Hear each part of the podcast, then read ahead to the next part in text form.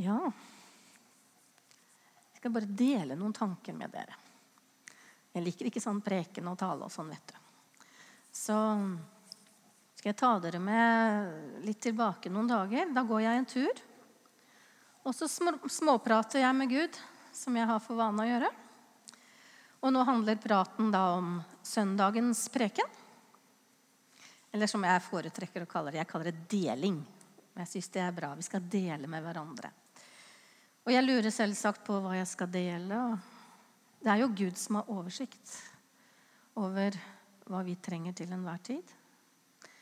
Så jeg vet at jeg er i stand til å stå her og snakke om mye uinteressant og ting som du syns er helt uvesentlig.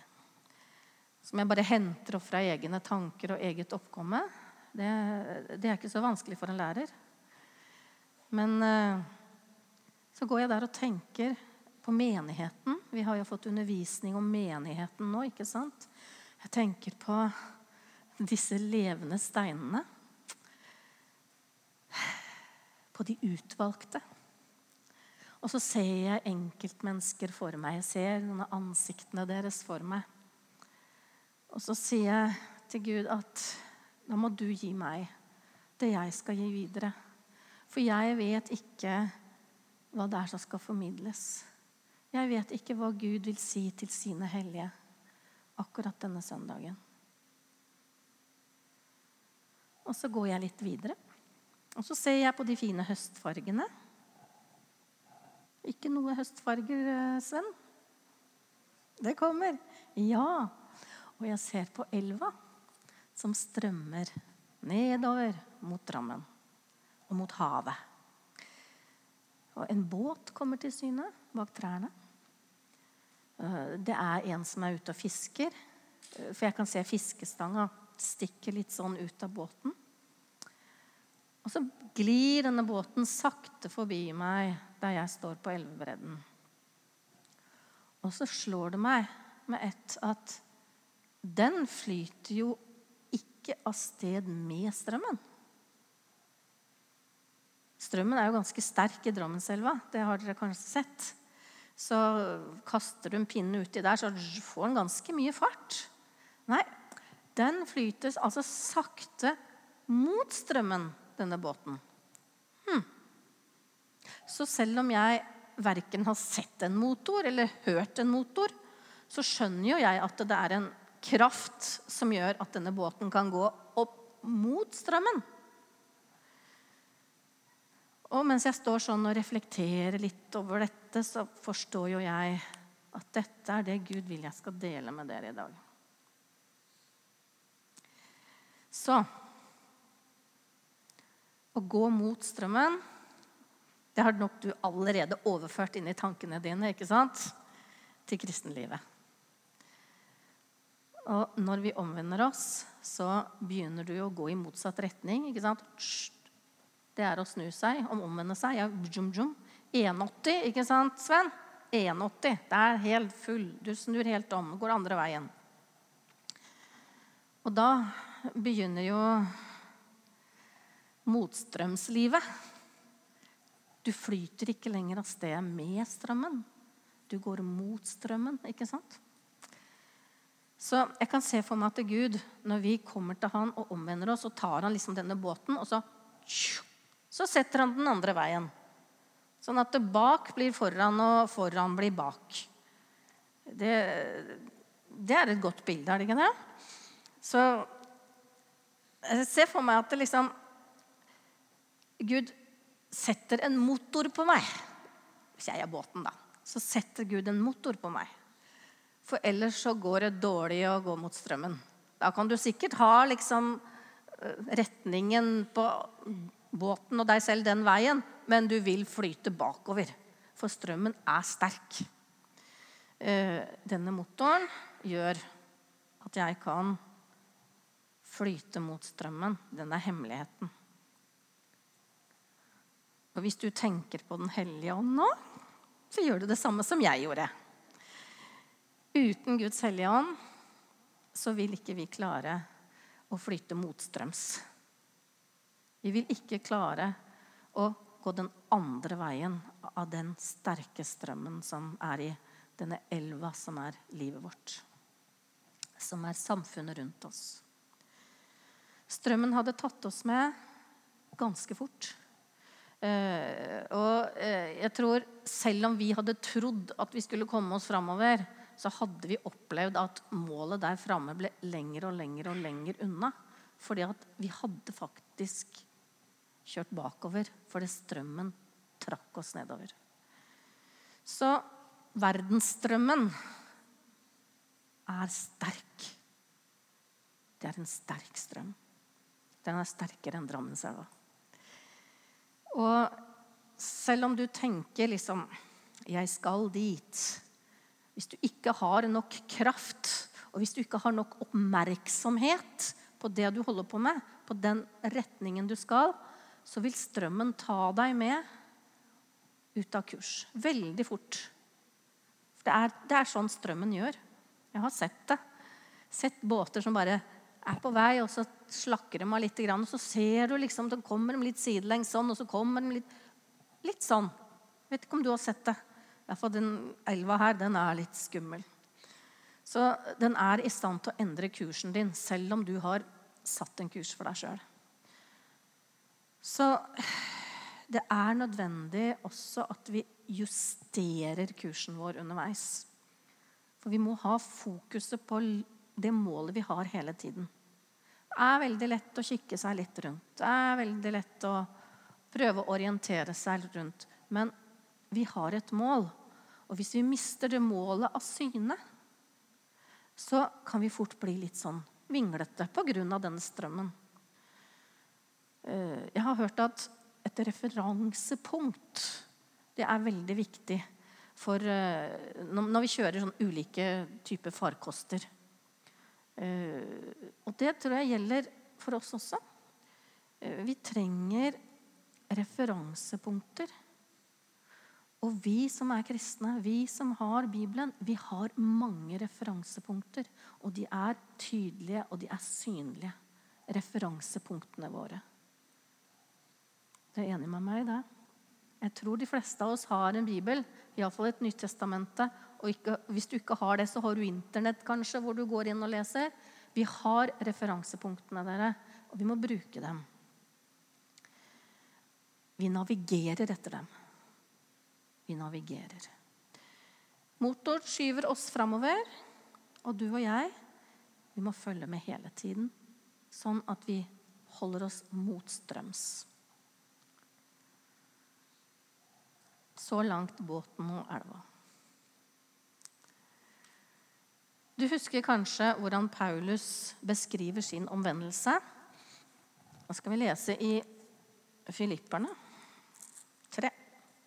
Det var ikke der.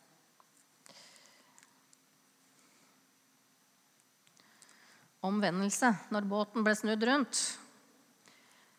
Og jeg er veldig spent på hva, hva dette, disse ordene, denne hilsen her, vil gjøre med ditt hjerte. For jeg er helt sikker på at Gud vet at det er noen her spesielt som trenger dette her akkurat i dag. For det var det jeg har bedt om. Så det tror jeg på. Så sitt og vær åpen. For kanskje det er du som får svar på noe i dag. Kanskje det er du som blir utfordra i dag. Jeg leser fra vers 7 i tredje kapittel til 21. Så det er litt å lese. Men du kan følge med eller bare høre. Det som var en vinning for meg, det har jeg for Kristi skyld aktet som tap. Ja, jeg akter i sannhet alt for tap, fordi kunnskapen om Kristus Jesus, min Herre, er så meget mere verdt. For hans skyld har jeg tapt alt. Jeg akter det for skrap, for at jeg kan vinne Kristus og bli funnet i ham.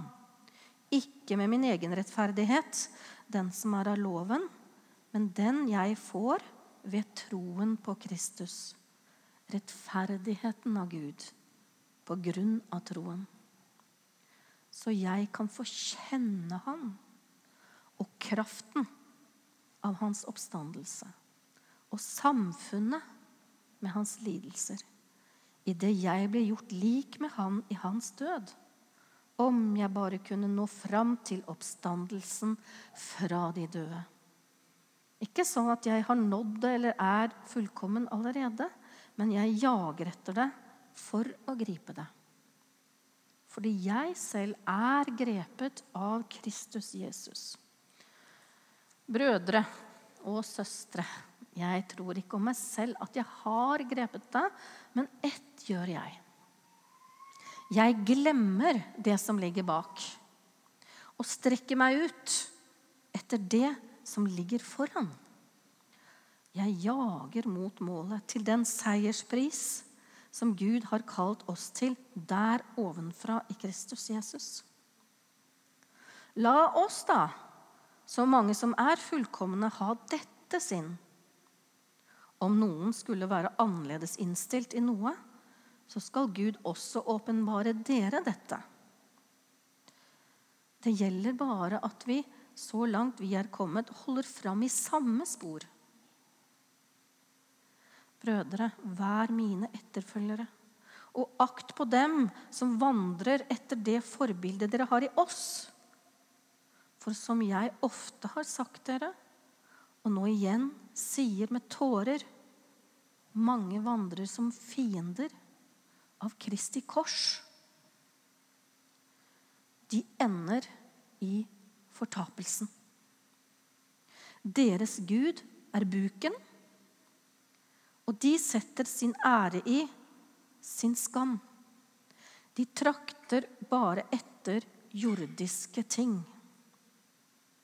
Men vi har vårt hjemland i himmelen. Derfra venter vi også Herren Jesus Kristus som frelser. Han skal forvandle vårt fornedringslegeme og gjøre det likt med sitt herlighetslegeme ved den kraft han har til å legge alle ting under seg. Jeg ville ta med hele dette her, for dette her syns jeg var veldig viktig at vi fikk sammenheng på. Bak blir foran, og foran blir bak. Suksess blir tap. Og rikdom og status blir skrap. Det blir søppel. Paulus ser noe annet. Han ser noe mye mer verdifullt. Rettferdighet av tro. Å være skjult i Kristus. Å få kjenne og erfare en helt annen kraft enn sin egen i livet sitt. Oppstandelseskraften. Så snur Paulus rett og slett ryggen til alt som var viktig for ham før. Alt som var viktig for ham før. Han snur seg, og han glemmer det, sier han. Og så har han målet der framme i fokus. Og så ber han deg og meg å ha samme innstilling. Fort, fortsett i samme retning, motstrøms, mot målet, som er himmelen. Det er vårt hjemland. Det er ikke noe annet mål. Det er ikke noe annet mål. Sammenlign deg med dem som lever sånn. Sammenlign deg med dem som tenker sånn, sier han. Ikke sammenlign deg med de andre.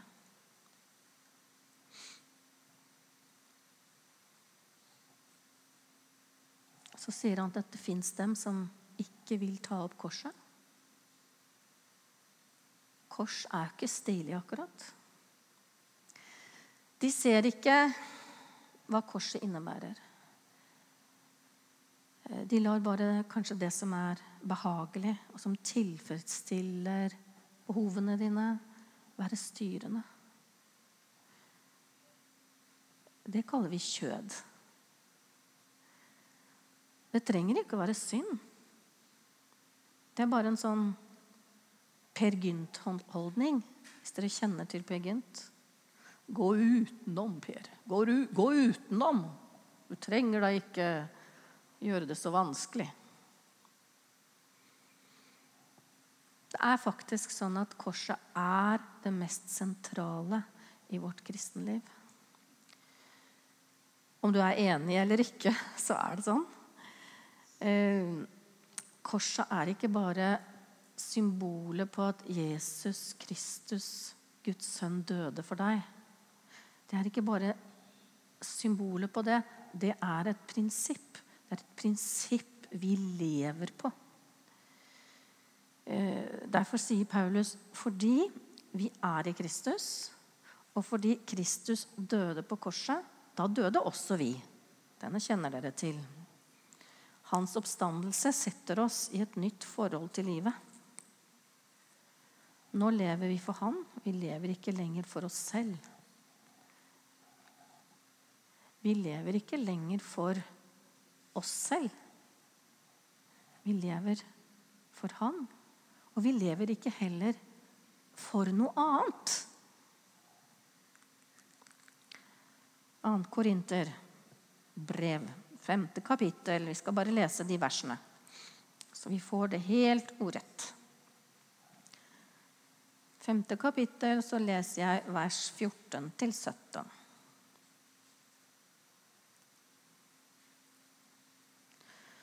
For Kristi kjærlighet tvinger oss, og så har vi gjort det klart for oss. Når én er død for alle, så har de alle dødd. Og han døde for alle, for at de som lever, ikke lenger skal leve for seg selv, men for ham som døde og oppsto for dem. Så kjenner vi ikke lenger noen etter kjødet. Har vi kjent Kristus etter kjødet, så kjenner vi han ikke sånn lenger. Derfor, om noen er i Kristus Er du i Kristus? Da er du en ny skapning. Det gamle er forbi. Alt er blitt nytt. Korsets realitet er at vi er døde fra denne verdens levesett. Vi er døde fra den norske normalen, om du vil. Vi er det. Vi er døde fra vår egen lyst. Vi er døde fra våre egne behov. Men også fra lover og bud som fordømmer pga. synd. Den som er død, er ferdig med sånt, sier Paulus. Ja, men, sier du og jeg. En må jo mm, En må ingenting dersom man er erklært død. Man må ingenting. Det er ikke en metafor, og det er ikke en lignelse det er en nødvendighet for å klare seg mot strømmen. Hvis vi velger bort korsets prinsipp for livet vårt, da ender vi som fortapt. Det er Paulus som sier. Det er ikke meg. Det høres skremmende ut, men det er skremmende. Vi ønsker ikke å gå fortapt. Vi ønsker ikke å bli tatt av strømmen og havne ut i det store havet. Paulus er jo ganske ekstrem, sitter du kanskje nå og tenker. Ja, han var det. Paulus var radikal. Men det var fordi han tok jo Jesus på ramme alvor. Han tok det Jesus sa, bokstavelig. Gjør du og jeg det?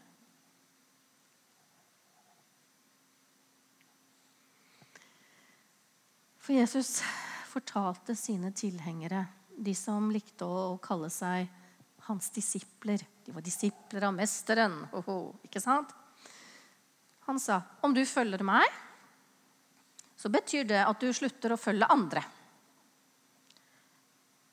Ikke engang dine egne behov. Ikke forventningene fra vennene dine. Ikke følge forventningene fra familien din.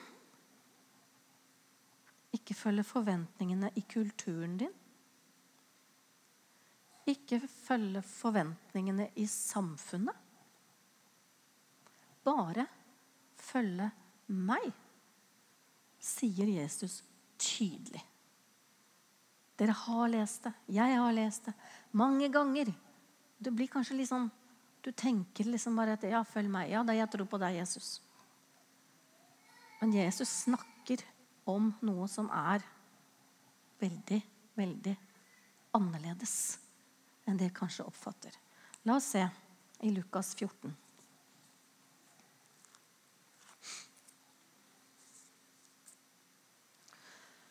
Vers 25 til 30, så tar vi med vers 33.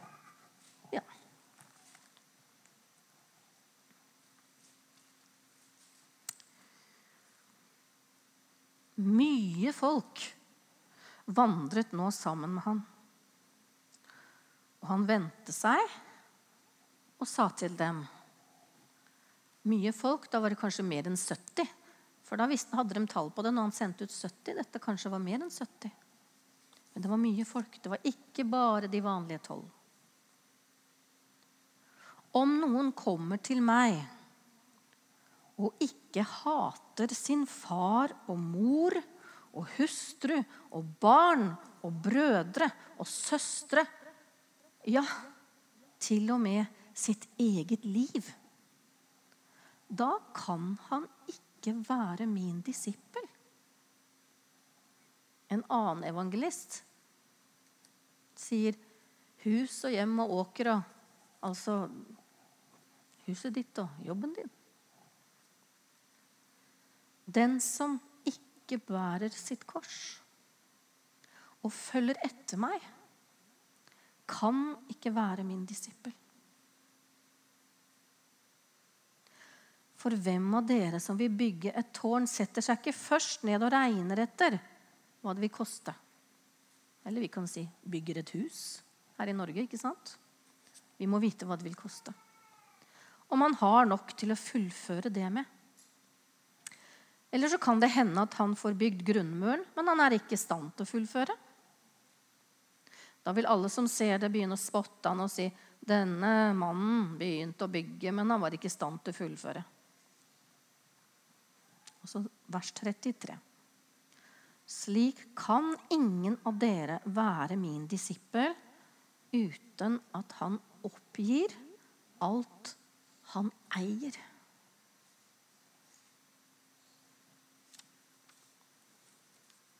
Syns du Paulus var ekstrem? Men vet du at det Jesus sier her, hørtes ikke så veldig ekstremt ut for jødene som fulgte ham. For referansen til dette kan du lese når du kommer hjem. Det er i 5. Mosebok, kapittel 13. Og det var ikke noe kjære mor. Det var steining og dreping, altså. Det var streng straff. Så dette visste jødene.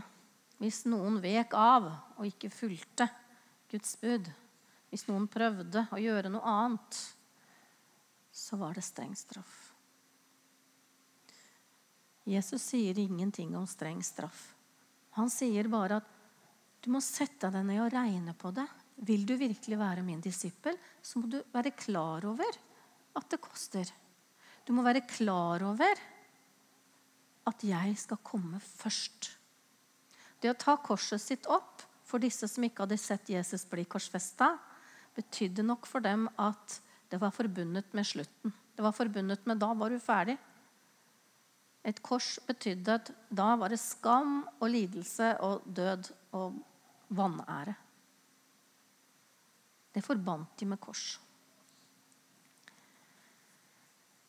Vi skal selvsagt ikke hate i den forstand at vi vil noen noe ondt. Men det som ligger i Jesu ord her, er at du ikke skal la noen andre hensyn stoppe deg. Hindre deg. Forplikte deg.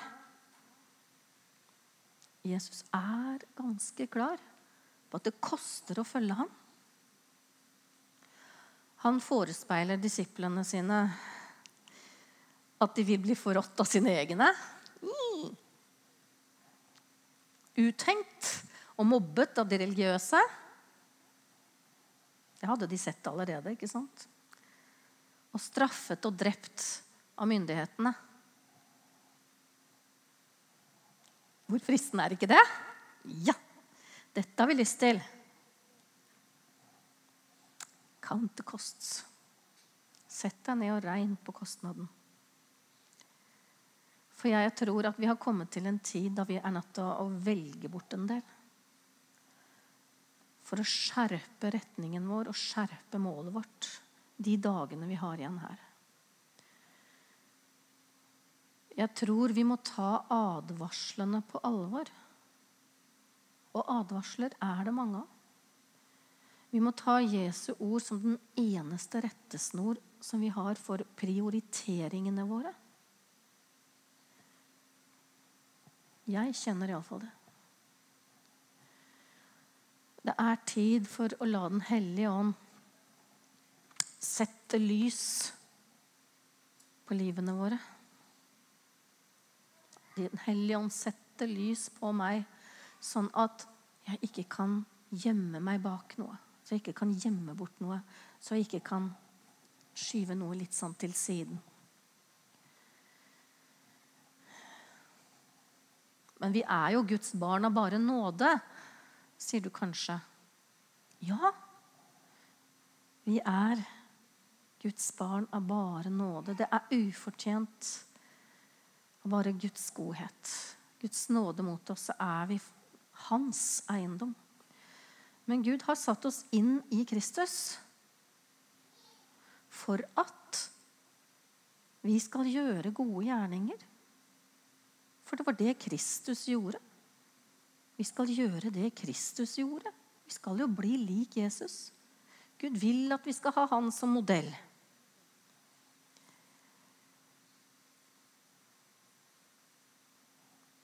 For av nåde er dere frelst, står det i Efeserne 2, 8. Ikke sant? Det er Guds gave. Det er ikke av dere selv, for at ingen skal kunne rose seg. Det er ikke av gjerninger. Men det er av Gud, og han har satt oss til å gjøre gode gjerninger, som han har lagt ferdig i Kristus til oss. Så det er ikke uvesentlig for Gud hvordan vi forvalter den nåden som vi har fått. Paulus sier jo stadig etter den nåde som er meg gitt, så har jeg gjort sånn og sånn. Så sier jeg sånn og sånn. Frelsen ligger foran oss. Og vi skal arbeide på vår frelse med frykt og beven, står det. Endemålet for vår tro er jo at sjelen blir frelst. Og at vi når målstreken med troen i behold. Det er ikke noen kriterier for Peter og noen andre kriterier for Paulus og noen andre igjen for deg og meg. Selv om vi tilsynelatende har det veldig godt og er rike på det meste, så er ikke det en indikasjon på at vi lever sånn som Jesus vil.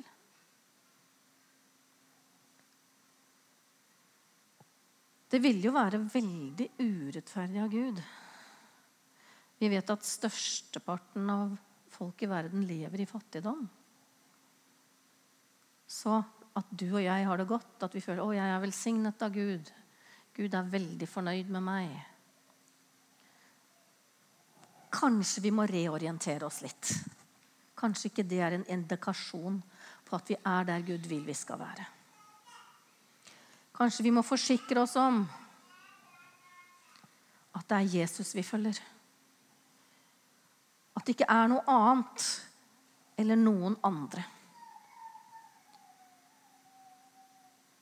Jeg er villig til å lytte til hva Den hellige ånd sier, både til menigheten og til meg især. Er du?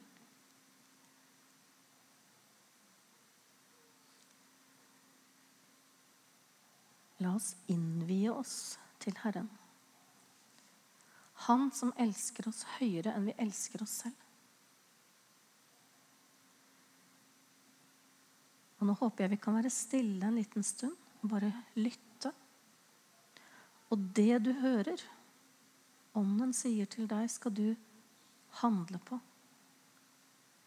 For det står i dag Når du hører hans røst, så forherd ikke ditt hjerte.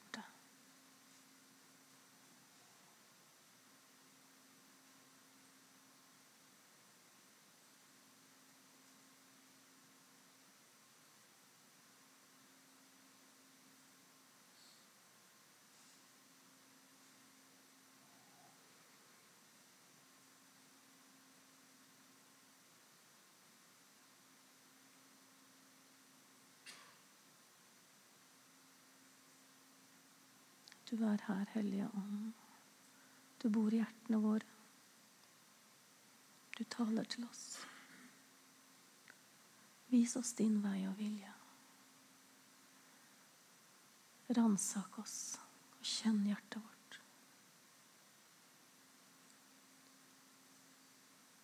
Se om vi er på fortapelsens vei. Led oss på evighetens vei. La oss være Jesus' etterfølgere.